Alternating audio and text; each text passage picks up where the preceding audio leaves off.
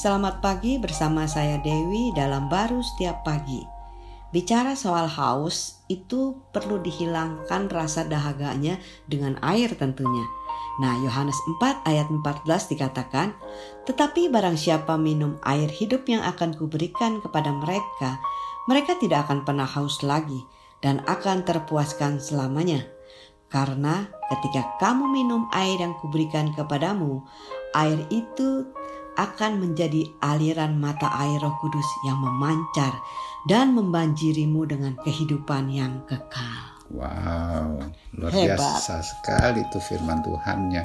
Semua orang ingin punya hidup air yang seperti ini ya. Yes, yang tidak Ya. akan pernah habis bahkan menjadi sumber mata air. Sumber mata air ya di supermarket nggak ada itu yang Nggak bisa ada. eh, memberikan yang menghilangkan haus bahkan Ahli menjadi bor sumber juga nggak ada. ahli bor juga nggak bisa. ya kan walaupun pohon Yes. mata air sampai bagaimanapun ya Yes. kan. Nah ini tentunya Tuhan ingin membandingkan bahwa Hmm. manusia itu ada dimensi hidup yang di mana eh, nggak pernah puas ya di hidup dia ya kan dia bagaikan orang yang haus yang ingin air kan kalau nggak Hmm. dia nggak akan terpenuhi Hmm. tapi kalau air minum kan eh, terpenuhi dia haus lagi Ya. terpenuhi dia haus lagi tapi ada yang lebih mendasar bahwa hidup kita itu memang eh, membutuhkan satu pemenuhan Hmm. yang nggak bisa dipenuhi oleh kita lagi, Yes. yang bisa dipuaskan oleh kita lagi. Selalu haus saja, selalu di mana eh, tidak puas saja, tidak Hmm. terpenuhi. Ya, Maka itu Tuhan itu datang kepada perempuan Samaria yang berkata di ayat tersebut itu Yohanes 4 eh, di 14. Yohanes 4 itu eh, bahwa eh, perempuan itu kan eh, gagal terus ya di dalam pernikahannya hidup dia eh, sampai bersuami lima kali kan. Eh, dia tidak menemukan kepuasan dalam hidup dia. Penuhan Haus terus. haus terus ganti-ganti terus gitu kan nggak bisa. Nah, walaupun orang nggak berganti tapi bisa dia nggak bisa puas dia nggak bisa penuh gitu Yes. kan. Nah, dia ingin aja dipenuhi Nah, Tuhan Yesus itu datang bahwa dia yang bisa memberikan air hidup itu Bahwa Yang tidak yang terpuaskan. yang tak yang selalu eh, bukan saja puas bagai mata air kan Hmm. yang jauh melampaui sehingga eh, dengan mata air itu bukan kita aja terpuaskan bahkan orang lain eh, dengan keberadaan kita ini ya berbeda akhirnya Bisa merasakan juga ya Ya, kan? juga Karena merasakan memancar, juga, mengalir, memancar. membanjiri ya. Iya, dia menjadi wanita Wow. yang diubahkan secara luar biasa yang ditolak oleh masyarakatnya Hmm. tapi dia bisa menerima dari kepenuhan Tuhan, air hidup Tuhan, percaya kepada Tuhan yang memenuhi hati dan pikiran Yes. dia sehingga dia tidak lagi tertolak tapi Hmm. bahkan bisa datang kepada orang yang menolak mereka bahkan orang itu bisa diberkati. eh, diberkati Wow. Ya, dan itulah cerita bagaimana kalau kita melihat Tuhan Yesus sebagai air hidup bagi hidup kita walaupun kita minum juga setiap hari ya kan dalam hidup ini tapi ada kepuasan Hmm, yang melimpah-limpah dalam hidup kita Yes. dekat orang yang seperti itu kan enak ya Iya. Gitulah Hmm. kira-kira Selalu ter apa terpuaskan atau selalu eh, merasa dahaga dipuaskan dengan eh, Roh Kudus yang selalu memancar dari hidupnya ya. amin Luar biasa. Selamat pagi bersama saya Dewi dalam baru setiap pagi. Nah, kita nih kan baru masuk tahun 2021. Tapi kalau kita ngelihat banyak hal-hal atau harapan kita tahun 2020 itu kelihatannya hilang atau ya tertunda lah ya tidak hilang. Nah, jadi saya ingat ada ayat dalam Roma 15 ayat 13 dikatakan, "Semoga Allah sumber pengharapan memenuhi kamu dengan segala sukacita dan damai sejahtera dalam iman kamu, supaya oleh kekuatan Roh Kudus kamu berlimpah-limpah dalam pengharapan." Wah, gimana tuh? ini firman luar biasa ya kesannya orang hidup eh, tidak akan pernah eh, hilang harapan Hmm. bahkan berlimpah-limpah kalau melihat hidupnya kepada Tuhan. Hmm. Tapi pengalaman kita tahun lalu ada aja ya harapan yang kita inginkan nggak terjadi ya. Ya, tertunda kali bukan tertunda. terjadi. Memang eh, tertunda apa pun istilahnya tapi Ya, ya, kita Tidak terjadi. tidak terjadi begitu kan kita ingin uh, waktu kelahiran uh, cucu kita atau anak uh, kita di, di luar negeri ya dia udah ngarapin untuk kita datang, datang ke sana. Kita juga berharap. Excited, gitu. oh, excited untuk datang ke sana. Tunggu eh, tunggu tunggu. Eh nggak bisa. Tunggu tunggu tunggu. Kita pikir covidnya nggak selama itu. Eh ternyata, ternyata jalan terus. Hmm. akhirnya ya memang nggak dapat ya nggak hmm. bisa. Eh, tapi kalau kita fokus kepada diri kita seakan-akan kita jadi korban atau malang ini kan uh, uh, bisa terus menerus menjadi uh, perasaannya sedih kan hmm. orang malang orang uh, ya, kecewa, kecewa uh, dan mereka juga kalau melihat kondisi seperti itu sebatas harus datang dan tidak datang harapannya di situ tentu hmm. uh, bisa uh, kecewa. -hmm. Tapi ya samalah kayak anak kecil ya kita ngelihat kan kalau dia maunya permen misalnya hmm. kan orang tuanya bilang oh lebih baik dia dikasih yang lebih baik makanannya lebih sehat. Mm -hmm. nah, anak kecilnya berpikir ya, nih bapak ini kok nggak kasih. Mm -hmm. nah, tapi kalau dia mempercayai bapaknya atau orang tuanya ya yang baik buat dia, tentu dia tidak bergumul ya, yeah. dia percaya aja, dia mm. berserah mm. saja. Eh emangnya orang tuanya nggak kasih mm. soal permen Mungkin ya. dia kasih makanan sehat tapi rasa lebih daripada permennya. Amin. Nah, begitulah kira gambaran kecil ya Bapak kita itu uh, yang uh, yang besar gitu ya. Ya ingin kita memiliki harapan sejauh uh, dia, tentu dia akan memulihkan ya, hmm. ya uh, keadaannya. Secara faktanya kita jalanin akhirnya kita bisa menikmati walaupun hubungan kita selama ini ya pakai video call tapi kita tetap bisa menikmati. Yes. Tapi tidak juga kehilangan harapan untuk hmm. ketemu. Bahkan kita mempercaya Tuhan akan membawa pertemuan yang lebih lagi tahun Amin. yang hilang lalu ada ada cara Tuhan untuk memulihkannya. Yes. Itulah kira-kiranya saya melihat daripada firman ini dalam setiap kejadian apa pun di dalam hidup kita terjadi atau terjadi ada aja hmm. uh, caranya Tuhan. Yes, karena kita ngelihat itu bahwa pengharapan itu sumber pengharapan kita itu di Tuhan ya. Amin. Nah, sehingga itu memberikan bahkan memberikan kekuatan sehingga kita mempunyai pengharapan yang berlimpah-limpah dan merasakan sukacita dan damai sejahteranya Tuhan itu di dalam penantian kita. Amin. Amin. Selamat pagi bersama saya Dewi dalam Baru Setiap Pagi. Nah, dalam kita menyelesaikan masalah, mungkin kita juga ingin mendengar apa sih solusinya dari Tuhan sendiri. Tapi kadang kita tuh susah untuk mendengarnya.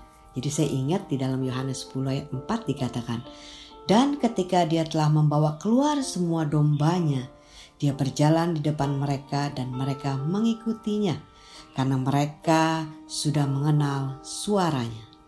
Nah, dia sudah mengenal tuh suaranya. Jadi kita gimana bisa mengenal suaranya itu suara Tuhan? Ya, saya pikir ayat ini ingin menekankan uh, betapa uh, Tuhan itu uh, bukan saja uh, mudah didengar, tapi dia juga ingin didengar. Hmm. Dia memberikan satu hubungan kan, yang nggak mungkin salah punya itu si hmm. domba dengan gembala ini kan. Yeah. Uh, cuma kadang-kadang kita itu punya pemikiran umumnya suara Tuhan tuh susah, susah jauh, jauh. Pantas uh, lakukan ini, lakukan iya, itu. Kita takut, takut. Gitu. Ini bukan suara Tuhan atau suara Tuhan. Iya, sehingga ya kita uh, berpikir susah itu akhirnya hmm. uh, kita pakai uh, berbagai macam cara ya uh, de dengan kekuatan usaha kita Ya, saya jadi teringat nih sama teman saya itu juga begitu. Nyari suara Tuhan dengan susah payah. Sampai dia dengar sih dengar sih ya, tapi akibatnya ya eh, tindakan dia itu cukup ekstrim. Bahkan sampai ke pergi ke uh, uh, apa ke ke luar negeri. Ke luar negeri jauh sekali itu ya kan? Uh, dia pikir dia dengar suara Tuhan. Ya dia pikir dia dengar suara Tuhan dengan berbagai mungkin aja benar sih ya. Mungkin aja benar tapi uh, susah banget. Habis sesudah itu kita berkata mana lebih susah? Uh, you dengar anakmu dengar suara you atau uh, ya, apa? dengan suara Tuhan. Suara dengan suara Tuhan atau saya bilang uh, orang lain yang nggak kenal sama kamu dengar suara you. Ya gampang anak kamu. Hmm. nah, kamu itu digambarkan sebagai anak Tuhan. Hmm. kamu jauh lebih gampang. Tuhan gambarkan domba dan uh, gembala itu dibilang pasti mendengar suara saya. Hmm. dia pasti kenal. Hmm. dia nggak bilang susah susah Oh, yeah. kamu meleset sedikit udah nggak bisa dengar, nggak bisa begitu. Nah, berpikir begitu jauh lebih menikmati sehingga setiap hari perjalanan hidup kita ada aja caranya Tuhan hmm. untuk uh, uh, kita bisa mendengar suara Dia apakah hmm. lewat Alkitab, lewat khotbah, hmm. lewat kita merenungkan, lewat nyanyi, lewat hmm. apa aja itu ada caranya Dia yang kreatif, yes. dinamis dan indah dan membuat kita ya bisa sangat menikmati seperti itu. Hmm. Ya, jadi istilahnya itu kan udah kita udah pasti domba itu udah pasti mendengar suaranya uh, gembala kan kayak misalnya anak kita telepon. Hmm. Nah, kita udah udah tahu itu pasti anak kita bukannya orang lain. Yeah, nah, yeah. itu seperti itu semudah itu sebenarnya kita mengenal suara Tuhan kan. Iya. Maka itu kita ngelihatnya karena besarnya kasih Tuhan kuasanya Dia sehingga kita sangat lebih mudah hmm. yang di dunia aja mudah dia jauh lebih mudah.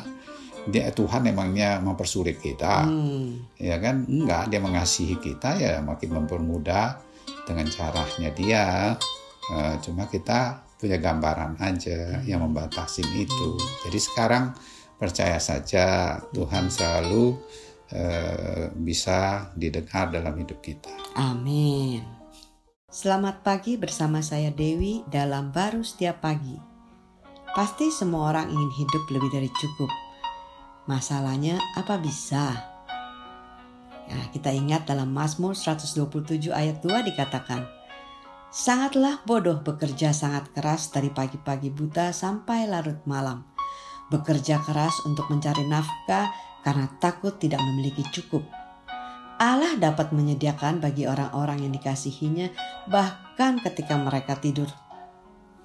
Wah, ayat ini cukup kuat sekali dan tidak umum ya. Biasanya orang berpikir kerjalah keras biar lu dapat lebih banyak Benar. untuk sekarang maupun yang akan datang dan hmm. uh, tentunya ayat ini maksud Tuhan bukan masalah orang Eh, nggak boleh keras kerja atau malas kerja keras atau menjadi tidur tidur baru diberkati mm-hmm. uh, tentunya yeah. Tuhan ingin bahwa manusia itu terbatas yang dia inginkan uh, melampaui daripada mm. itu maka mm. itu uh, dia ingin uh, Tuhan yang bekerja dalam hidup seseorang itu kan yes. berkatnya bukan lagi sejauh diri dia tapi sejauh uh, Tuhan yang memberikannya hmm. uh, kan uh, seperti kayak kita uh, lihat toh anak uh, sulung anak bungsu punya contoh tuh hmm. uh, yang yang yang bekerja anak uh, sulung anak sulung kerja keras oh, kerja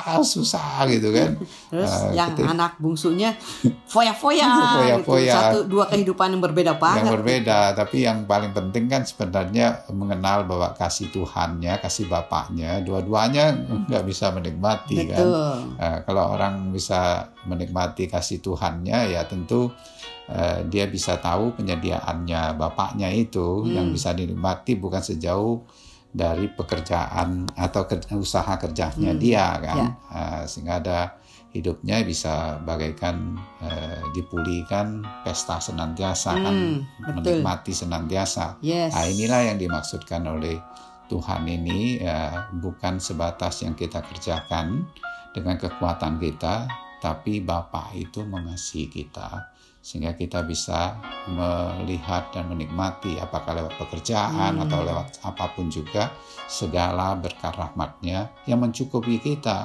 hmm. bahkan nggak mungkin dia membiarkan bahkan waktu kita istirahat itulah dia bekerja jauh lebih besar. Hmm. Nah, kita beristirahat di sini bukan berarti malas ya. Betul. ya. Kita berserah dan percaya kepada Dia dan ada roh Dia bekerja dalam hidup kita ya. sehingga kita bukan kita, kita tinggal percaya ya. kepada Dia. Bukan kita diam, malah kita punya kadang-kadang bisa diberikan satu ide yang tidak pernah kita berpikir, berpikir sebelumnya eh itu timbul kan? Iya. Nah, itu ada itulah yang namanya hidupnya yang Dia yang hidup di dalam kita ya berbeda Hmm. Eh, kan seperti eh, Adam pertama kali eh, diciptakan sudah tersedia semua Hmm. tapi dia bukan berarti malas kan Betul. dia aktifnya sudah berbeda punya hubungan percaya Yes. kepada Tuhannya tapi ketika dia jatuh dia berpikir dengan kekuatan dia dia bisa kan nah, kita hidup di situ sehingga dengan penebusan Tuhan ya, dia menyelesaikan ada manusia barunya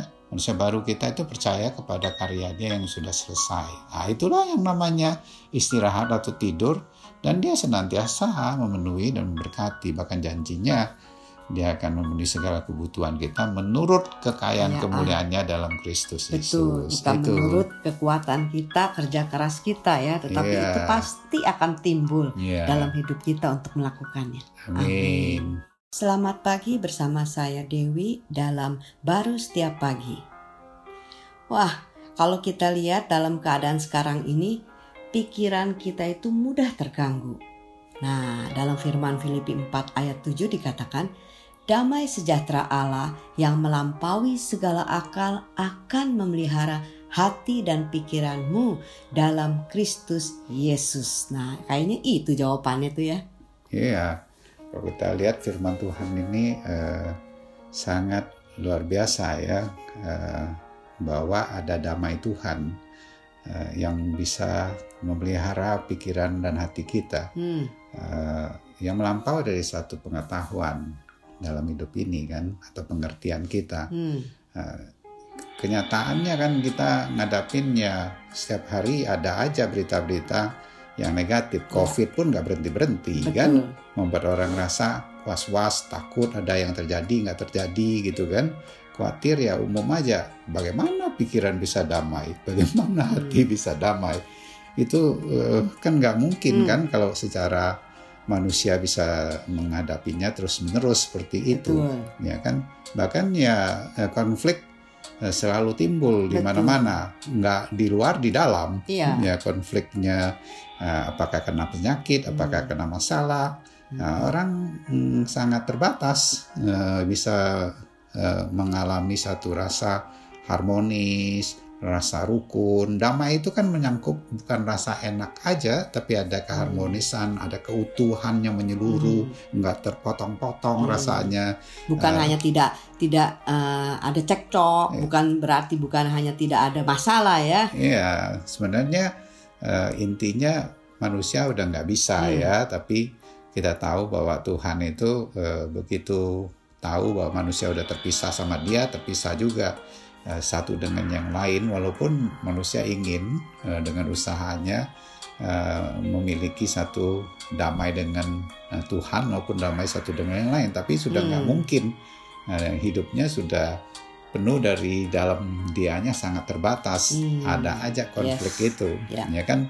Nggak ada masalah pun bisa bikin masalah itu Betul. karena konflik di dalamnya Ya. kan, Iya. Eh, salah paham atau Ya. apa pun. Tapi Tuhan itu dikatakan Raja Damai, Hmm. ya kan, Eh, mendamaikan kita dengan Dia sehingga juga mendamaikan kita itu dipenuhi oleh damainya. Hmm. Nah, yang melampaui segala akal. Sehingga kita melihatnya eh, bahwa kita itu memiliki damai Tuhan. Hmm. Ketika ada eh, sakit, ketika ada masalah yang menghadapi, mengganggu pikiran kita, mengganggu hati kita, Hmm. nah, kita sudah diberikan damai yang tidak bisa diusahakan oleh manusia dan diberikan, oleh, diberikan oleh manusia, manusia. tapi diberikan Yes. Tuhan melalui penebusan Dia yang ada di hidup kita, sehingga kita Betul. sadar aja, terima aja, Hmm. percaya aja, jangan terbawa kepada eh, batasan pemikiran kita itu dan Hmm. kekuatan kita. Akhirnya apa? Ada damai yang melampaui segala akal. Itu memerintah Hmm. di hati dan pikiran kita. Sehingga ya di dalam kondisi seperti apa pun seperti kayak Tuhan Yesus kan di kayak ketika ada badai dia tidur aja. Ya. Nah, dia bukan cuek sebenarnya kan, tapi ada badai dia Hmm. dan akhirnya dia bangun ya ada ada tenang, ada tenangan, ada damainya dia itu menghentikan. Tapi Hmm. damai Tuhan itu membuat kita enak juga menyelesaikan masalah-masalah yang kita hadapi dalam hidup ini. Itulah. Amin. Jadi kalau misalnya pemikiran kita itu terus terganggu, ingat bahwa hanya damai sejahtera Allah yang melampaui segala pikiran itulah yang memelihara hati dan pikiran Nah. sehingga pikiran kita tidak lagi bisa diganggu. Amin. Amin.